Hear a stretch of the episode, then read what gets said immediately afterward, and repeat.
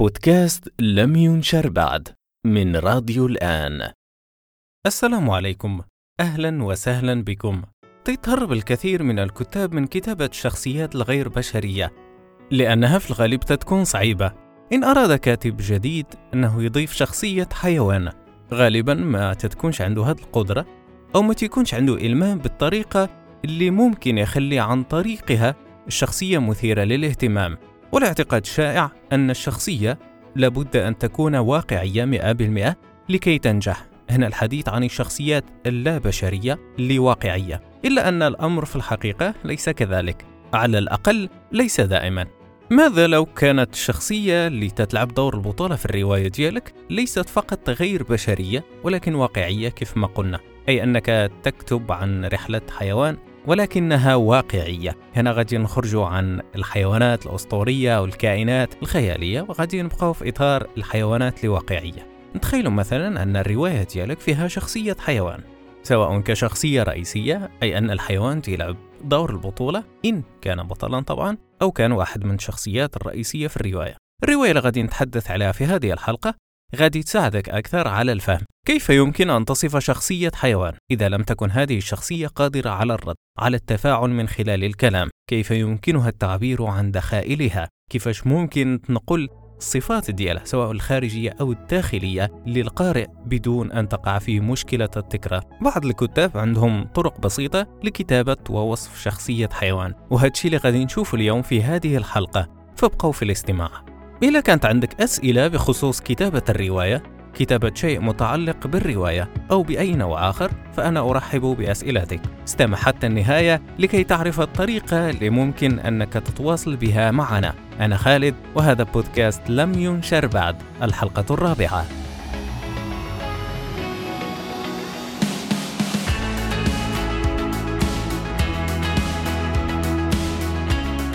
قبل البدء أذكر الذي سأشاركك به في هذه الحلقة ما تعنيش أنه تماما ما اتبعه الكاتب لكتابة روايته فأنا لا أتحدث نيابة عنه.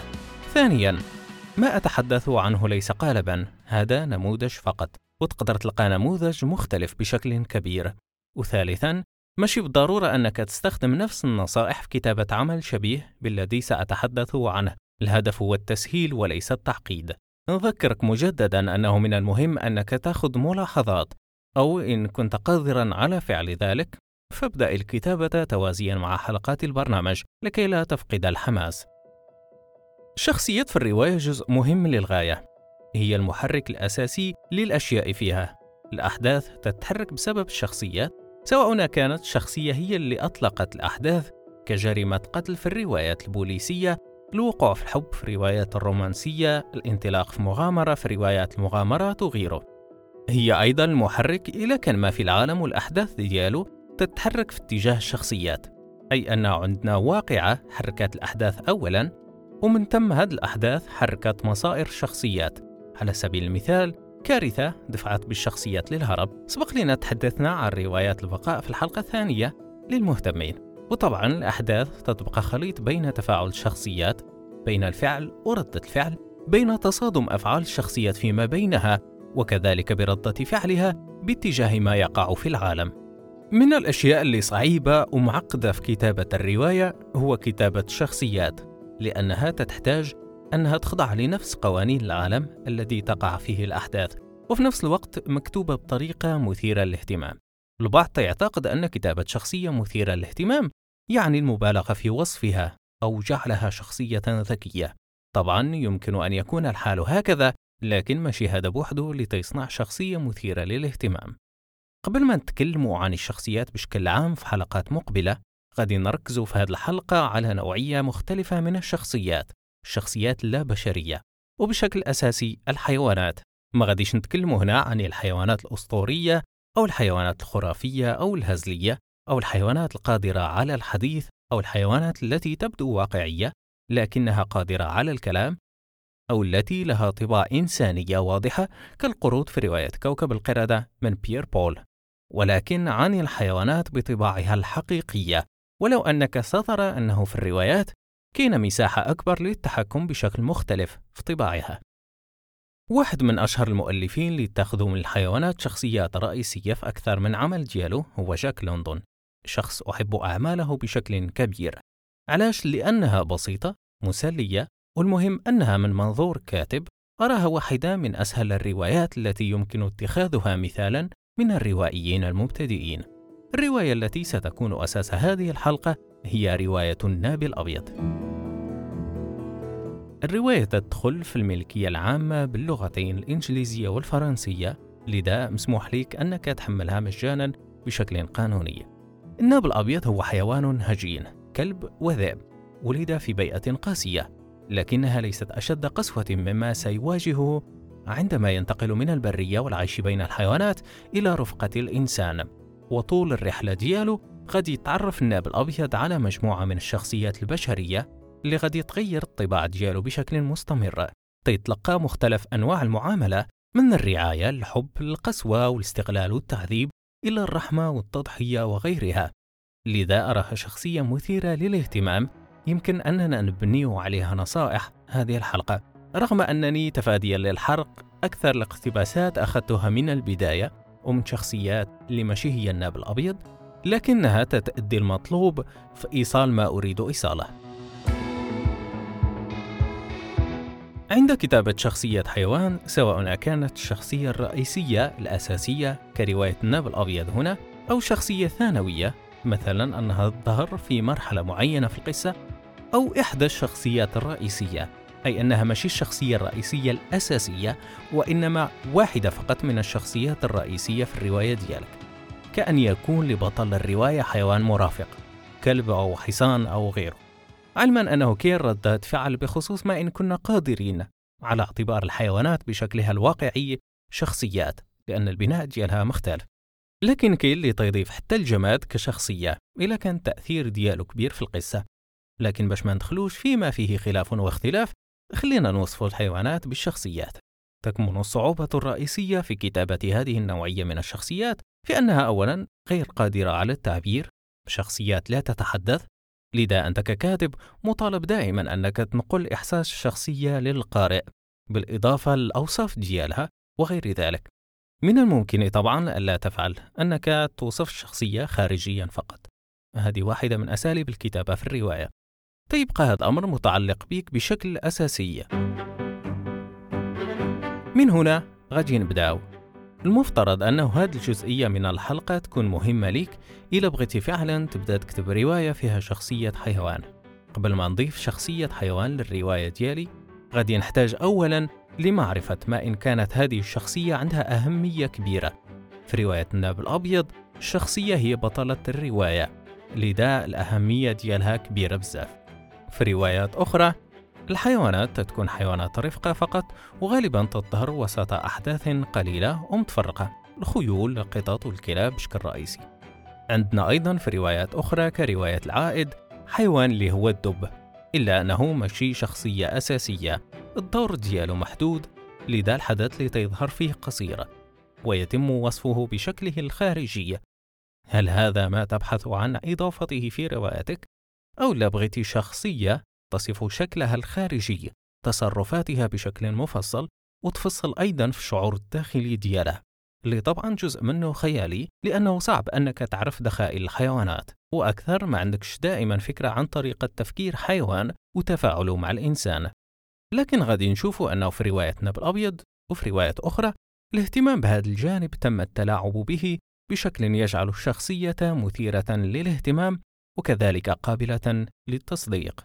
النصائح هنا يمكن لك تطبقها على عمل الشخصية الرئيسية في حيوان كما ذكرنا أو الشخصية المرافقة لشخصية بشرية حيوان. نقدر نطبقوها أيضا على الكائنات الخرافية اللي طباعها الرئيسية حيوانية أي أنها تميل للحيوان أكثر من ميلها للبشر.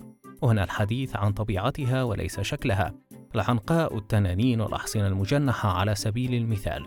استثنيناها في بداية الحديث بسبب الخطوة الأولى التي سنتحدث عنها.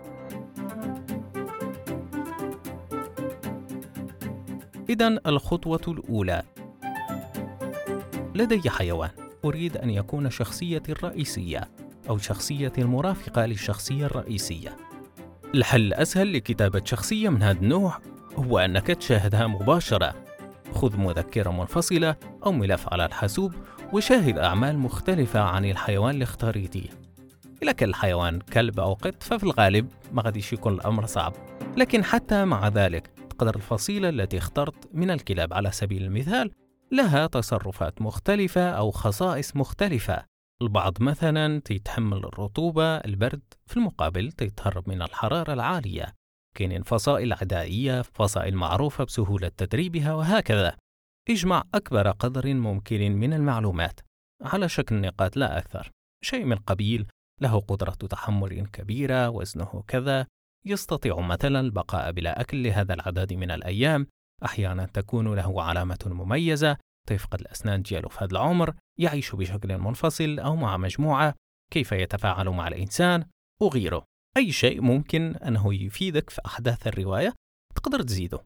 الذي قمت به الآن هو أنك جمعت الأوصاف والتصرفات غادي تساعدك على بناء شخصية قابلة للتصديق. المرحلة الثانية هو أنه عليك التفكير في الشكل الخارجي لحيوانك وسأقول لك لما تحتاج للقيام بذلك. من النصائح اللي قدمت لك في الحلقة الثانية هي أنك ما تحاولش تخلي الكتابة متوازية مع التخيل. أولا تخيل الشخصيات تخيل الأحداث المشاهد الديكور أو الخلفية لو صح التعبير تخيل الصورة وبعدها ابدأ بوصفها للقارئ أو سرد الأحداث له. بهذا الشكل ستجد أن الأمور أسهل من أنك أثناء الكتابة تبدأ عملية التخيل والكتابة في نفس الوقت. عندما تبدأ في العمل على شخصيتك المفروض أنك تبني صورة واضحة لها في دماغك. وبعدها تبدأ في الكتابة. مثلا تخيل أن حيوانك الفرو ديالو أبيض لأنه لاحقا يقدر يفيدك هذا الأمر في بناء مشهد معين. كأن تظهر مثلا بقع دم على الفرو ديال الحيوان. هذا أيضا غادي يساعدك على التركيز أكثر على الحدث بدل التركيز على بناء الصورة في كل مرة. تذكر أننا نتحدث هنا عن الصورة التي في عقلك وليس الصورة التي يمتلك القارئ عن الشخصية بما أن البناء ديالها قد يتم على طول الرواية. المعنى ديالها أن أوصاف الشخصية اللي تخيلت في دماغك يقدر القارئ عرف جزء بسيط منها فقط لأنك أثناء الوصف وصفت الشخصية كاملة كما تخيلتها وإنما وصفت الأشياء التي يحتاج القارئ لمعرفتها. الأمر الثاني أن تخيل الشخصية. ما زلنا نتحدث عن حيوان هنا. غادي يساعدك تفصلها عن بقية الحيوانات في الرواية. مثلا عادة جاك لوندون أنه في الأعمال ديالو تيخلي الحيوانات لها علامة مميزة مثلا حجم فصيلة ندبة لون. إلا كان العمل ديالك في أكثر من حيوان واحد وكلها تتشابه فالحيوان ديالك خاصو يحصل على علامة مميزة سواء علامة خلقية مثلا لون مختلف لبؤبؤ كل عين أو علامة مكتسبة ندبة أو ناب مكسور أو لما حتى أشياء أكثر إثارة للاهتمام كوشاح أو قلادة أو رجل آلية. لو تكتب في صنف الخيال العلمي الأمر يعود لك في النهاية وما تريد أن تكتب عنه. احذر في العمل اللي تكتب تبان الشخصية كحيوان خارق. المفروض أن الحيوان الذي يوضع في غير بيئته أن تقل منفعته وقدراته. تنقل على الثلج ليس سهلا لحصان مثلا لأنه غير مجهز لهذه البيئة. فعند بناء المشاهد خذ دائما طبيعة الحيوان بعين الاعتبار. ولهذا طلبت منك أن تبحث عن معلومات مفيدة بخصوص الحيوان الذي تريد الكتابة عنه قبل البدء. لأن هذا الأمر قد يساعدك لمعرفة كيف يتأقلم الحيوان مع وضع معين وحتى أثناء الكتابة تقدر توقف عملية الكتابة وتبحث عن الناقص. مثلا عندك مشهد وبغيتي تعرف مثلا كم يستطيع الحصان العيش بلا ماء أو ما سرعة النسر أو ما الذي تفعل النمور في مواجهة أكثر من تهديد. هذه أشياء عشوائية وحسب ولكن فهمت المقصد. فقط لكي لا ننسى المفترض أنك تبني الأحداث وتضع الحيوان فيها. أنت لا تكتب سيناريو لفيلم وثائقي. الخيال لا بد يبقى لي جزء مما تكتب وسنتحدث أكثر عن هذا الأمر.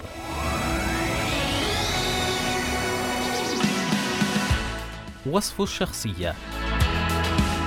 من النصائح التي يتبعها الكثير من المؤلفين عند كتابة الشخصيات الغير بشرية سواء كانت خيالية بالكامل أي أنها 100% جاءت من مخيلة الكاتب أو كانت كائنات خيالية لكن عندها طباع معروفة كمصاصي الدماء والغيلان والموتى الأحياء وغيره.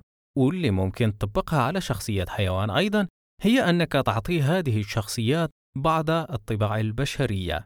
عند كتابة شخصية حيوان لكي لا تكون مملة ما تحتاج تخليها مئة بالمئة واقعية بما أننا نتحدث عن جزء مهم من الأحداث.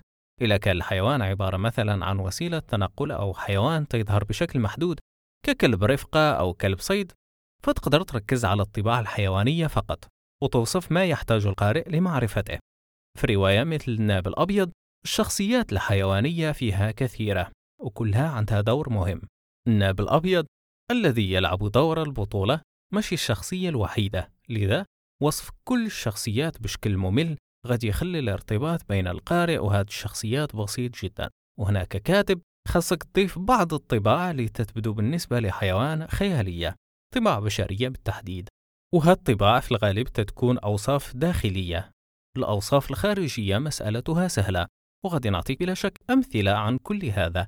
لذا إذا كنت استمعتي لحد الآن وكانت المفاهيم قد اختلطت عليك من البداية وما عرفتيش كيف يمكن لهذه الحلقة أن تفيدك فلا بأس. أنا هنا للتسهيل والتوضيح.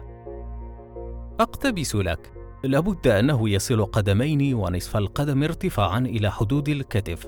لاحظ هنري وليس أكثر من خمسة أقدام في الطول. نهاية الاقتباس. كالعادة كل اقتباسات مترجمة بتصرف. هنا كما ترى استخدم الكاتب واحدة من أساليب الوصف اللي تحدث عنها في الحلقة الثانية. الوصف عن طريق الحوارات. ما تحتاج دائما توصف الشخصيات بنفس الشكل. أقتبس لك مجددا لتفهم.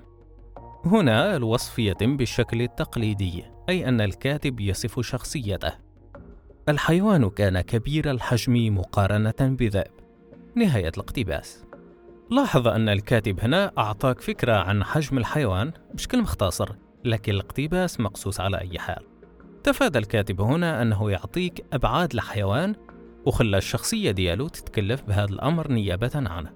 نكرر ليك جزء من الاقتباس باش ما تضيعش المعلومة. لابد أنه يصل قدمين ونصف القدم ارتفاعا إلى حدود الكتف. لاحظ هنري. نهاية الاقتباس. لاحظ معايا أن الكاتب في نفس الصفحة من الرواية أعطى وصف معين للشخصية لكن بلا ما يأخذ الأمر مساحة كبيرة. بل وزع وصف الشخصية على أمرين عملية الوصف العادية أي أنه يصف الشخصية مباشرة وعملية الوصف من خلال الشخصيات. كيف ما ذكرت لك في بداية الحلقة؟ قلت لك أن صعوبة كتابة شخصية حيوان في الرواية تكمن في أنها شخصية غير قابلة على التعبير لذا لا تمتلك حوارات. هذا يبعد عنك إمكانية وصف الشخصية من خلال حواراتها كما يمكن أن تفعل مع شخصية بشرية كما أنها شخصية غير قادرة أيضا على التجاوب.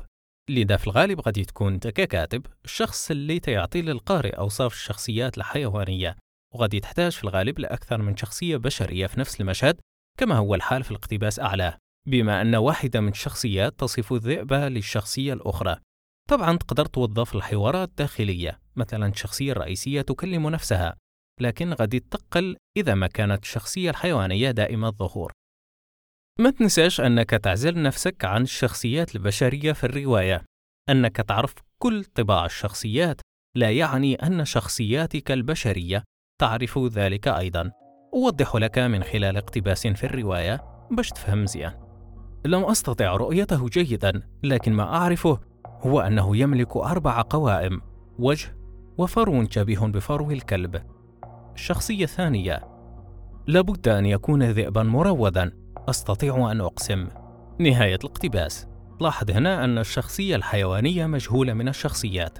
تبقى على الكاتب أن يبين نوعها وطباعها إلى بغى يساعد القارئ أو يبقي التشويق قائما. هنا القارئ بحاله بحال الشخصيات ما عندوش فكرة ما إن كان الحيوان كلبا أو ذئبا لكن الكاتب هو الشخص الذي يعلم ذلك. واستخدم الشخصيات ديالو لخلق عامل التشويق لذا ما تعتمدش على وصف الشخصيات الحيوانية من خلال الشخصيات البشرية دائما. ماشي مشكل لو تركت بعض الفضول. أقتبس لك إحدى شخصيات الرواية. يملك لونا غريبا كذئب قال بيل لم أرى شيئا مثله سابقا. لونه ضارب للحمرة مائل للبرتقالي حتى. له لون كالقرفة. نهاية الاقتباس. في هذا المشهد استخدم الكاتب من جديد الشخصية ديالو لوصف الحيوان. لكن في نفس الوقت يصف بعدها الحيوان بشكل مخالف لما تراه الشخصيتان. أقتبس لك. هنا الكاتب هو الذي يتحدث. لون الحيوان لم يكن رغم ذلك بهذا اللون. الرمادي كان اللون الطاغي كما مع بقية الذئاب. نهاية الاقتباس. الشخصيتين بفعل أكثر من عامل. بدا لهما أن لون الفرو برتقالي في حين أنه كما يصفه الكاتب رمادي.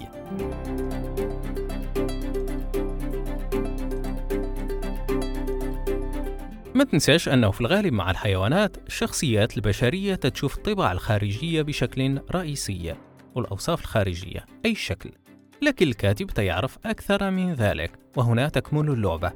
أنني نعطي الشخصيات الحيوانية التي أكتب طباعا بشرية ومن جديد غادي نعاونك باش تفهم. أقتبس لك. عندما وصلها الحديث هنا عن الكلب. حاول أن يمسح أنفه بأنفها. الحديث هنا عن أنثى الذئب. لكنها رفضته ببرودة وتراجعت خطوة. قامت بالمثل مرات عديدة.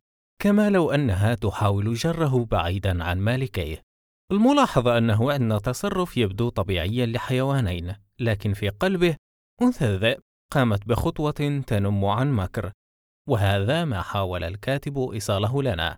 عملية إبعاد الكلب عن مالكيه البشريين من أنثى الذئب. يقدر يبان على أنه تصرف بشري أنها مدركة للعلاقة التي تجمع الكلب بمالكيه والخطورة التي يشكلها هذين الأخيرين.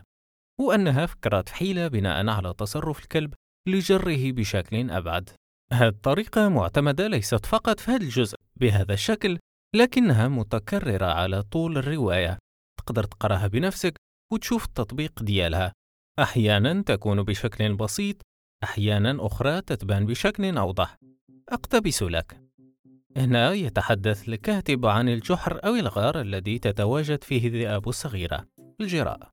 والفضول الذي أثاره مغادرة الأب مما وصفه الكاتب بجدار الضوء اللي هو مخرج الغار. الأب الذي يعرفه بشكله الشبيه بأمه والذي يجلب اللحم. كانت له طريقة فريدة في عبور الجدار الابتعاد والاختفاء. كل هذا لم يكن الجرو قادرا على فهمه. حاول أن يمر عبر الجدار في الغار لقد جرب أكثر من مرة قبل أن يجمد في الأخير. لقد قبل القدرة التي يمتلكها والده في المرور عبر الجدران. نهاية الاقتباس.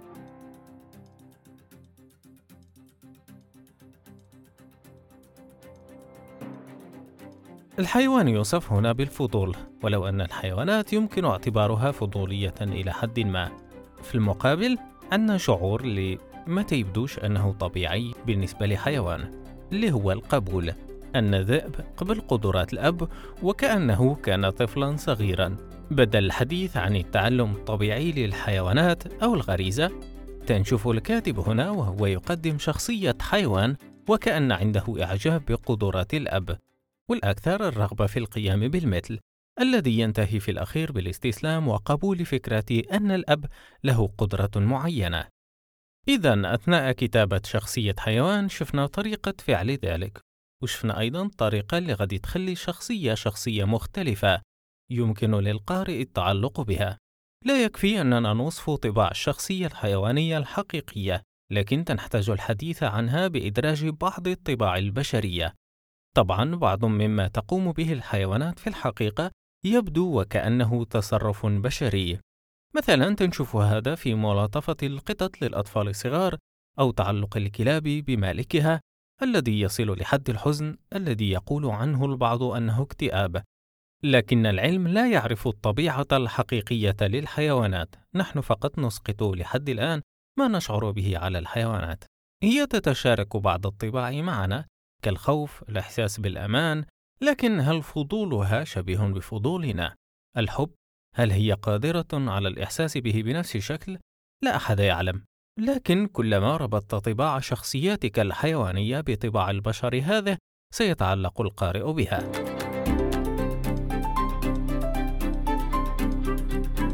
خلينا نجربه رواية بقاء. لنربط هذه الحلقة بالحلقة الثانية. لدينا رواية بقاء. والشخصية الرئيسية معها شخصية مرافقة طول الرحلة وهي حصان أنا تخيلت المشهد مسبقا وسأصفه لك الآن بعدها سنطبق بعض الأشياء التي تعلمنا اليوم وبعض الأشياء التي تحدثنا عنها سابقا لبناء هذا المشهد. الشخصية الرئيسية في مكان مهجور تتحيط بها مجموعة من قواقع السيارات اللي مضت عليها سنوات وكلها أصبحت صدئة. النباتات نمت في كل مكان. الشخصية الرئيسية رجل ربط الحصان ديالو في واحدة من هياكل السيارات على بعد متر واحد. جلس في مكان مستو وأشعل نارا. هذا هو المشهد. الآن لنحاول أن نبني بعض الأشياء التي ستساعدنا في بناء الشخصية. غد ننتقل في الزمن بين الماضي والحاضر بخصوص هذا المشهد فقط لأنني بغيت نعطيك مثال. نبدأ بوصف الحيوان من خلال عملية السرد نفسها. جر حصانه المتعب إلى هيكل السيارة. اللجام في فمه قد جرح أطرافه. يحتاج للجام جديد. قيده هناك ولما ضرب بلطف على جسده الذي فقد الكثير من الماء لطول الرحلة تطاير غبار لم يكن ليراه لولا أن القمر كان مضيئا ليلتها بشكل كامل اعتاد أن يمسح بلطف على ندبة كبيرة تشكلت على كتفه وكأنه يكرر اعتذاره على الأذى الذي لحقه. هنا لم يكن للحيوان تصرف لكن أعطيت القارئ بضع أوصاف لكن لابد لنا أننا نحرك الشخصية وإلا كانت جزء من الديكور أو الخلفية في المشهد. كلما مسح على ندبته أدار رأسه باتجاهه وسمح بملاعبته فإن كان متعبا اكتفى بذلك. أما إن حصل على حقه من الراحة. فكثيرا ما يسمعه صوت الهواء يغادر من خريه بعنف فيدور بجسده كاملا باتجاه مالكه وكأنه يبحث عن حضن. تفاعل بين الشخصيتين الشخصية البشرية والحيوانية أو مجرد تفاعل الشخصية مع العالم من شأنه أنه يظهر الشخصية على أنها حية. ما تنساش أن القارئ في الغالب قد يستخدم المخيلة ديالو لسد الفراغات لكن إن لم تكن لديه فكرة عن الحيوان الذي تتكلم عنه أو ردة فعله فستصعب عليه الأمور. حاول توجه مخيلة القارئ بشكل صحيح في المشاهد ديالك. إلى مثلا وصفت مشهد حيوان يهاجم أعطي القارئ قدر كافي من المعلومات ليتخيل المشهد بشكل صحيح. حاليا شخصية الحصان التي بنينا هي شخصية حيوان عادي.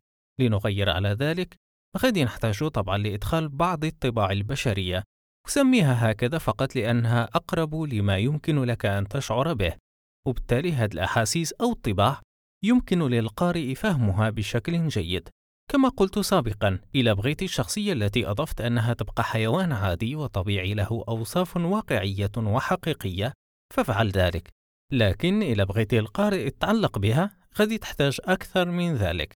المهم أنه كما ذكرت تحليل عمل أدبي ما كيعنيش أن الكاتب ديالو تابع هذه النصائح أو أن هذا هو النموذج الوحيد. تقدر تلقى نماذج كثيرة ومختلفة بشكل كامل. لنواصل مع المشهد. خلينا ندخل عليه وصف غير مباشر من خلال الحوارات. وكذلك بعض الطباع البشرية على الحيوان. وهو يلاعب حصانه. توقف لحظة ينظر لجسده الذي أصابه الوهن وخاطبه. حصان قوي. سنجد لك ماء. لا تخف. وسنجد لك سرجا جديدا. يناسب هذا اللون الأسود. أنت تحب ذلك ليس كذلك؟ من الشائع أن الأشخاص يتحدثوا لحيواناتهم بهذا الشكل لكن هنا بينت أن لون الحصان أسود بدون أن أتدخل ككاتب لفعل ذلك. نزيدو نتعمقو أكثر ونحاولو نعطو للحيوان بعض الطباع اللي تخليه شخصية قادرة على نقل إحساس معين للقارئ. وهو واقف أمامه دفع الحصان برأسه أكثر باتجاهه. فاضطره ذلك للتراجع خطوتين. عرف أن حصانه يؤنبه. لقد تأخر في الحصول على سرج جديد وأرهقه العطش. لكنه لم يدفعه إلا خطوة هذه المرة وتوقف. مالكه متعب ويحتاج ليستريح. أسمعه حمحمة متقطعة وضرب بقائمته بلطف على الأرض. يواسي صاحبه في محنته. أما هو فلم يقل شيئا. مسح على عنقه وانصرف ليوقد النار وقد أكلت البرودة أصابعه. أعطينا الشخصية هنا أكثر من ردة فعل وكأنها تفهم ردات فعل الشخصية البشرية في اتجاهها. ولو أن التصرفات تبدو حيوانية وكذلك طبيعية فإنها في هذا المشهد بالتحديد تبدو وكأنها تعود لكائن واع بلغة المخاطب. والأكثر أنه قادر على الرد عليه بما يناسب الموقف. نقدروا نمشوا لأبعد من ذلك لكن خليوا هذا الأمر إلى حلقة أخرى. ما زال لدينا الكثير للحديث عنه بخصوص الوصف وما تحدثنا عنه في هذه الحلقة بالتحديد لابد لي في نهاية الحلقة أن أذكر أن ما فيها ليس قالبا المفترض أنه تسهيل فقط لعملية الكتابة. وبما أن كل كاتب عنده طريقة محددة وعنده أسلوب محدد غادي تلقى أنت أيضا طريقتك الخاصة وأسلوبك الخاص في الكتابة. تنحاول فقط هنا أننا نستبق الأحداث ونتكلم على أشياء ربما لن تجدها في مكان آخر أو على الأقل ليس بنفس التبسيط. نستمر بإذن الله مع الحلقة القادمة. ما زال عندنا الكثير لتغطيته سواء معلومات بخصوص الكتابة بشكل عام أو بشكل خاص. وأحيانا طبعا سندمج بين الأمرين. مجددا إلى عندك مداخلة أو سؤال بخصوص الكتابة بشكل عام أو نوع معين فأنا في الاستماع. تواصل معنا على الآن fm at الآن.tv سواء بإرسال ملف صوتي أو كتابة وبإذن الله ستجد الإجابة في الحلقات المقبلة. ما تنساش من فضلك تضيف محتوى الرسالة في العنوان باش تسهل علينا العملية. ما تخجلش من طرح أسئلتك مهما كانت بسيطة والأهم ما تبخلش عليا بها.